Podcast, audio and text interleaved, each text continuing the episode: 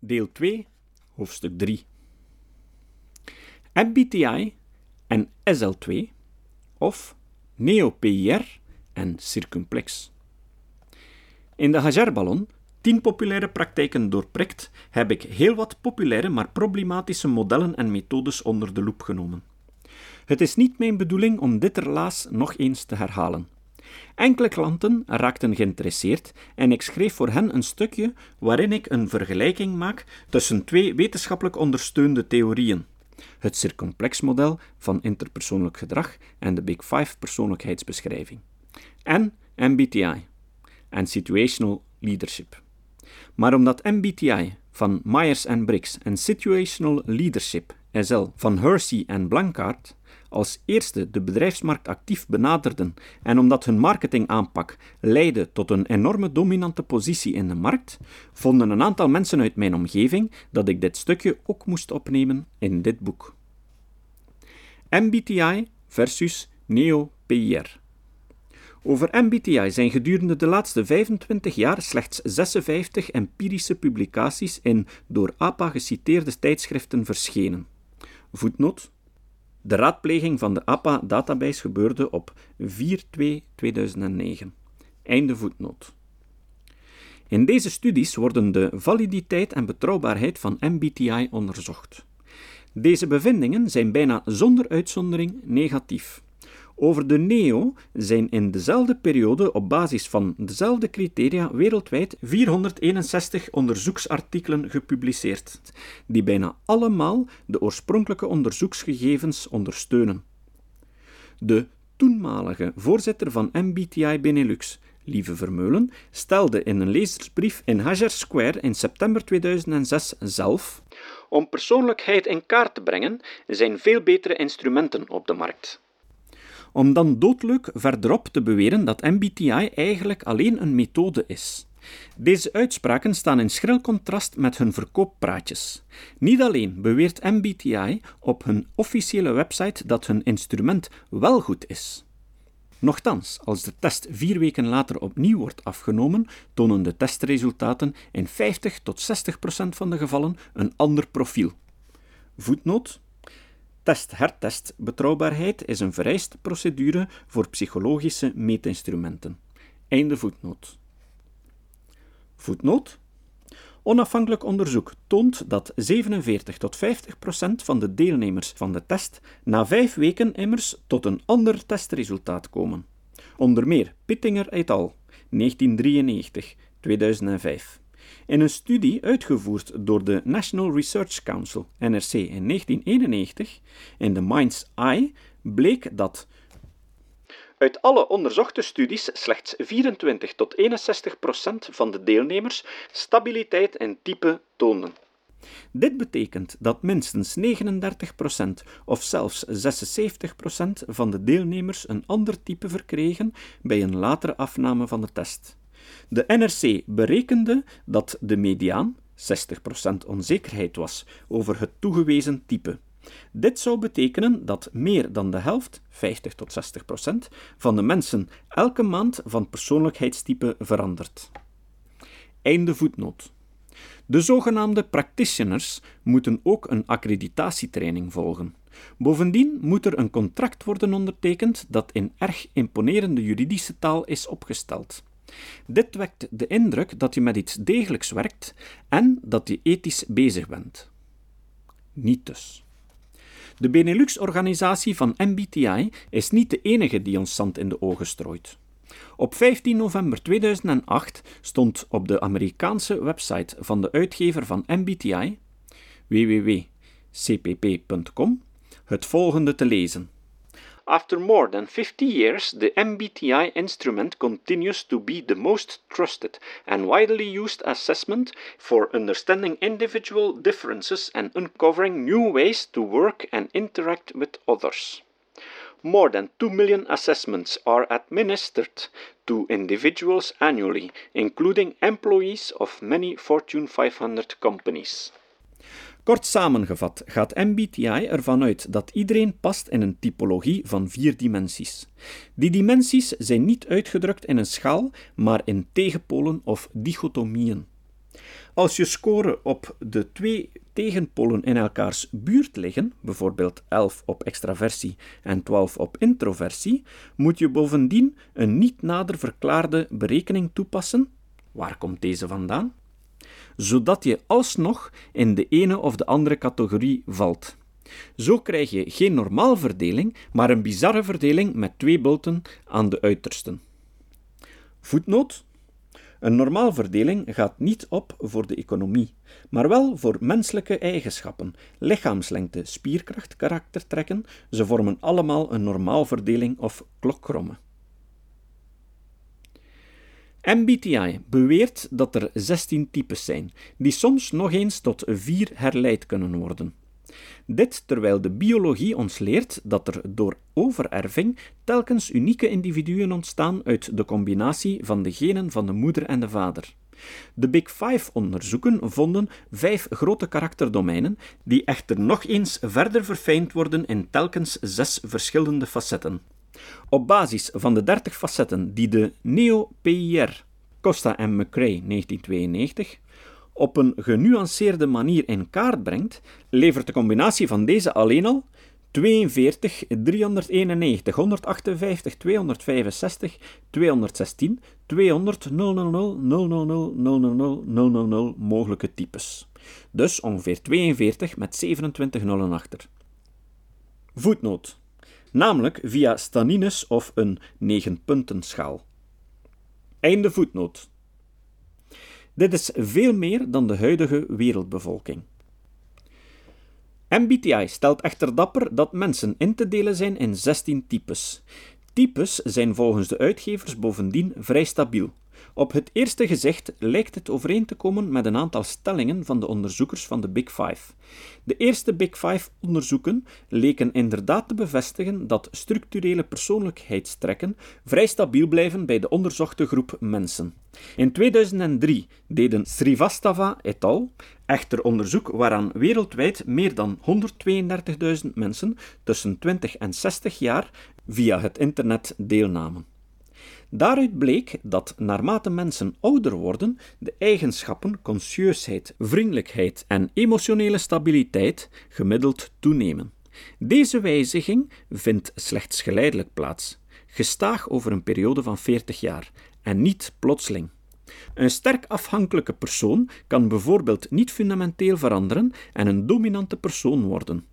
Bovendien volgt men in longitudinale studies mensen die meestal geen inspanningen doen om hun gedrag of persoonlijkheid te wijzigen. Voetnoot. Longitudinale studies zijn studies waarbij men dezelfde mensen gedurende vele jaren volgt en op regelmatige tijdstippen tests afneemt of op een andere manier vervolgonderzoek doet. Einde voetnoot. Dus geen mensen die een training, coaching of therapie kregen. Veel onderzoek, bijvoorbeeld naar de effecten van cognitieve gedragstherapie, toont aan dat mensen hun gedrag sneller bijstellen na life events, bijvoorbeeld na zware ziekte en scheiding, en na training, therapie of coaching. Er worden technieken en methoden aangeleerd om bepaalde situaties beter aan te kunnen. Bovendien komt de persoonlijkheid, zoals gemeten met degelijke Big Five-instrumenten, niet in elke situatie tot uiting. In sterke situaties is de invloed van iemands persoonlijkheid op zijn gedrag minder groot. Voetnoot.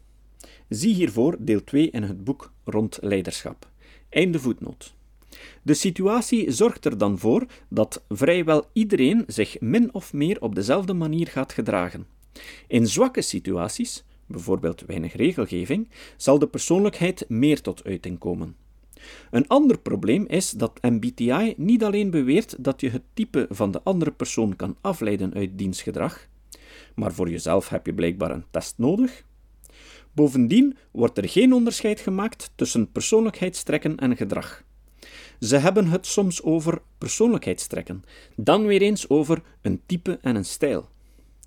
Danny Roekhout, UIA, zegt hierover: De opvatting dat de oordeelskracht van een persoon coach, trainer, klinicus enzovoort een meerwaarde heeft bovenop het instrument is een mythe.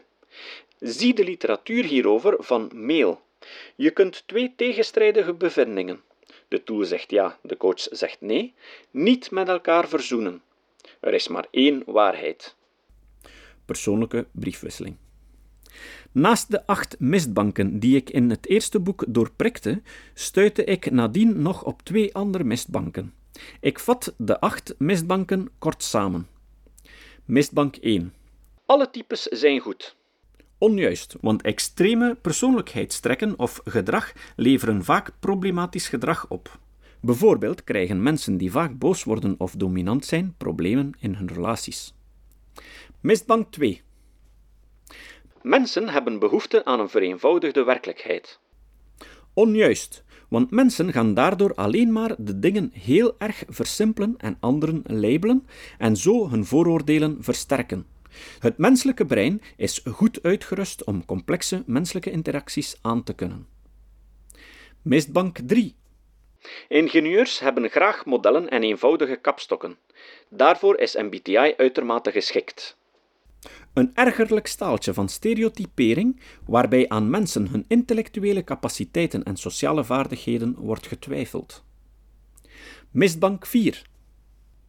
Je helpt mensen met MBTI, want dan kunnen ze beter reageren op hun gesprekspartner door hun type in te schatten. Ook nuttig voor verkopers. Onjuist, want waarom zou je, om jezelf te kennen, een test als MBTI nodig hebben en voor een ander niet? Mistbank 5. Je hoeft geen wetenschappelijk juist instrument te gebruiken om mensen met elkaar in discussie te brengen en hun zelfkennis te verhogen. Onjuist, want alleen deugdelijke wetenschappelijke instrumenten zorgen voor betrouwbare kennis. Ons brein is niet in staat om te ontsnappen aan de vele vormen van bias. Met een feilbaar brein en een onjuist meetinstrument kan je geen juiste uitspraken doen. Mensen discussiëren dan op basis van foute gegevens. Hoe kan dit zelfkennis vergroten? Mistbank 6. Mensen herkennen zich. Dus is het instrument goed. Onjuist. En dat is net het argument waar pseudowetenschappers en paranormalen zich van bedienen. Het probleem dat wanneer mensen iets herkennen, ze dan denken dat het goed is, staat in de psychologie bekend als het Furrer of Barnum-effect. Mistbank 7. MBTI is geen meetinstrument, het is een methode. Onjuist. Zie uitleg hiervoor, bij de reactie van Lieve Vermeulen. Mistbank 8. Als iemand zich goed voelt bij het lezen van een horoscoop, wie ben ik dan om hem daarin tegen te spreken? Dus waarom niet met MBTI werken? Onjuist, want mensen worden met leugens en onjuistheden op het verkeerde been gezet. Als je voor leugens en onjuistheden bovendien geld vraagt, ben je minstens onethisch bezig. Er zijn ook veel mensen die zich aanvankelijk goed voelden bij een alternatieve geneeswijze, maar nadien veel sneller stierven dan bij een reguliere medische behandeling. Hier komen de nieuwe argumenten of mistbanken. Pseudo-argument 1. Het enige dat telt is het referentiekader dat je aanreikt. Tegen de veelgehoorde opmerking dat het niet belangrijk is of een model al dan niet juist is, maar dat het vooral belangrijk is om een referentiekader te hebben, valt veel in te brengen. Wat voor zin heeft het mensen een foute theorie van meer dan 100 jaar oud voor te spiegelen? De typologie van MBTI gaat terug op Carl Gustav Jung van 1875 tot 1961 die ze in 1921 beschreef, maar ze op zijn beurt baseerde op het speculatieve werk van William James. Voetnoot: Jung, een biografie. Derde Beer, 2004, bladzijde 292 en 328. Einde voetnoot. Jung was een notwaar gelover in astrologie, spiritualisme, telepathie, telekinie, helderziendheid en extrasensorische waarneming. Voetnoot Zie hiervoor onder meer www.skeptic.com. Einde voetnoot. Ook zijn voorganger William James, 1842 tot 1910, zat in dezelfde hoek. Hij was onder meer een spokenjager en geloofde in communicatie met geesten via mediums en seances. De typologieën werden nooit empirisch bewezen.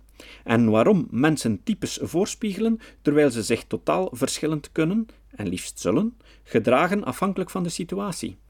Wat heeft het voor zin de communicatiestijl van een ander type proberen na te bootsen als onderzoek heeft aangetoond dat minstens de helft van de mensen zich daardoor gemanipuleerd voelt? De Big Five biedt voor persoonlijkheid echter wel een degelijk empirisch bewezen model aan. En voor interpersoonlijk gedrag doet het interpersoonlijk circomplex dit. Voetnoot: zie hiervoor het wetenschappelijk overzicht in deel 1 in het boek Rond leiderschap. Einde voetnoot. Pseudo-argument 2. Commerciële producten zijn misschien niet inzichtelijk voor de wetenschap en geven hun bronnen niet vrij, maar ze hebben wel degelijke waarde wegens hun grote face validity. Hiermee wordt de illusie gewekt dat wetenschappelijke instrumenten te complex en onduidelijk zouden zijn, quote non. Er is niets zo eenvoudig als de Neo-PIR. Dit wordt weliswaar niet gepresenteerd met veel toeters en bellen, kleurrijke brochures en een duurogende beschrijving van je type. Je kunt door de eenvoud van afname en rapportering er redelijkerwijs ook niet veel geld voor vragen. En dat verklaart misschien al veel. Face validity betekent dat diegene die de test beoordeelt of iemand die de test aflegt, op het eerste gezicht de indruk heeft dat de test valide is, zonder dat daar een grondig onderzoek is naar gedaan. Face validity zegt echter niets over de werkelijke psychometrische validiteit van het meetinstrument. Hoge face validity kan nog altijd samengaan met een lage, echte construct validity, of omgekeerd. De meeste zelfbeoordelingen hebben een grote face validity, omdat het nogal voor de hand ligt dat iemand die zichzelf beoordeelt zich daarin herkent, tenzij de testontwerper er alles aan deed om zijn test fout te maken. Dit geldt evenzeer voor gedegen instrumenten die berusten op betrouwbare kennis. Zelfbeoordelingen zijn bovendien vaak niet correct, zoals ik uitgebreid besprak in deel 6 in mijn boek rond leiderschap. Om nog maar te zwijgen van de misleiding door ons eigen brein, die leidt tot fenomenen zoals confirmatieneiging en het Barnum-effect. De confirmatieneiging is de neiging om meer waarde te hechten aan zaken die ons oorspronkelijk idee of vooroordeel bevestigen. Daarom dat we zo vaak verrast zijn door wat een horoscoop op het eerste zicht over ons lijkt te zeggen. Zelfs als het 50-50 is, dus 50% onzin is en 50% juist, door de vaagheid, dan beschouwen we de 50% die juist zou zijn als bewijs dat een horoscoop iets waard is. Het Barnum-effect is de tendens om een hogere juistheid toe te kennen aan scores of beschrijvingen die op maat gemaakt lijken te zijn, maar die in feite zo algemeen en vaag zijn dat ze op bijna iedereen van toepassing zijn. Met andere woorden, als mensen denken dat een bepaalde karakterschets speciaal op hen van toepassing is, zijn ze geneigd deze sneller aan te nemen. Trouwens, wat moeten we doen bij iemand die in een 360-graden oefening te horen krijgt dat 15 andere mensen hem veel autoritairder vinden dan hij zichzelf ziet? Wat is dan de waarde van een grote face validity? De persoon herkent zich dan wellicht wel in zijn zelfbeoordeling, maar niet in die van de anderen. Dit terwijl het gemiddelde van die 15 anderen een betrouwbaarder beeld geeft dan de zelfbeoordeling. Nee, werkelijk. De argumenten van face validity zijn niet steekhoudend.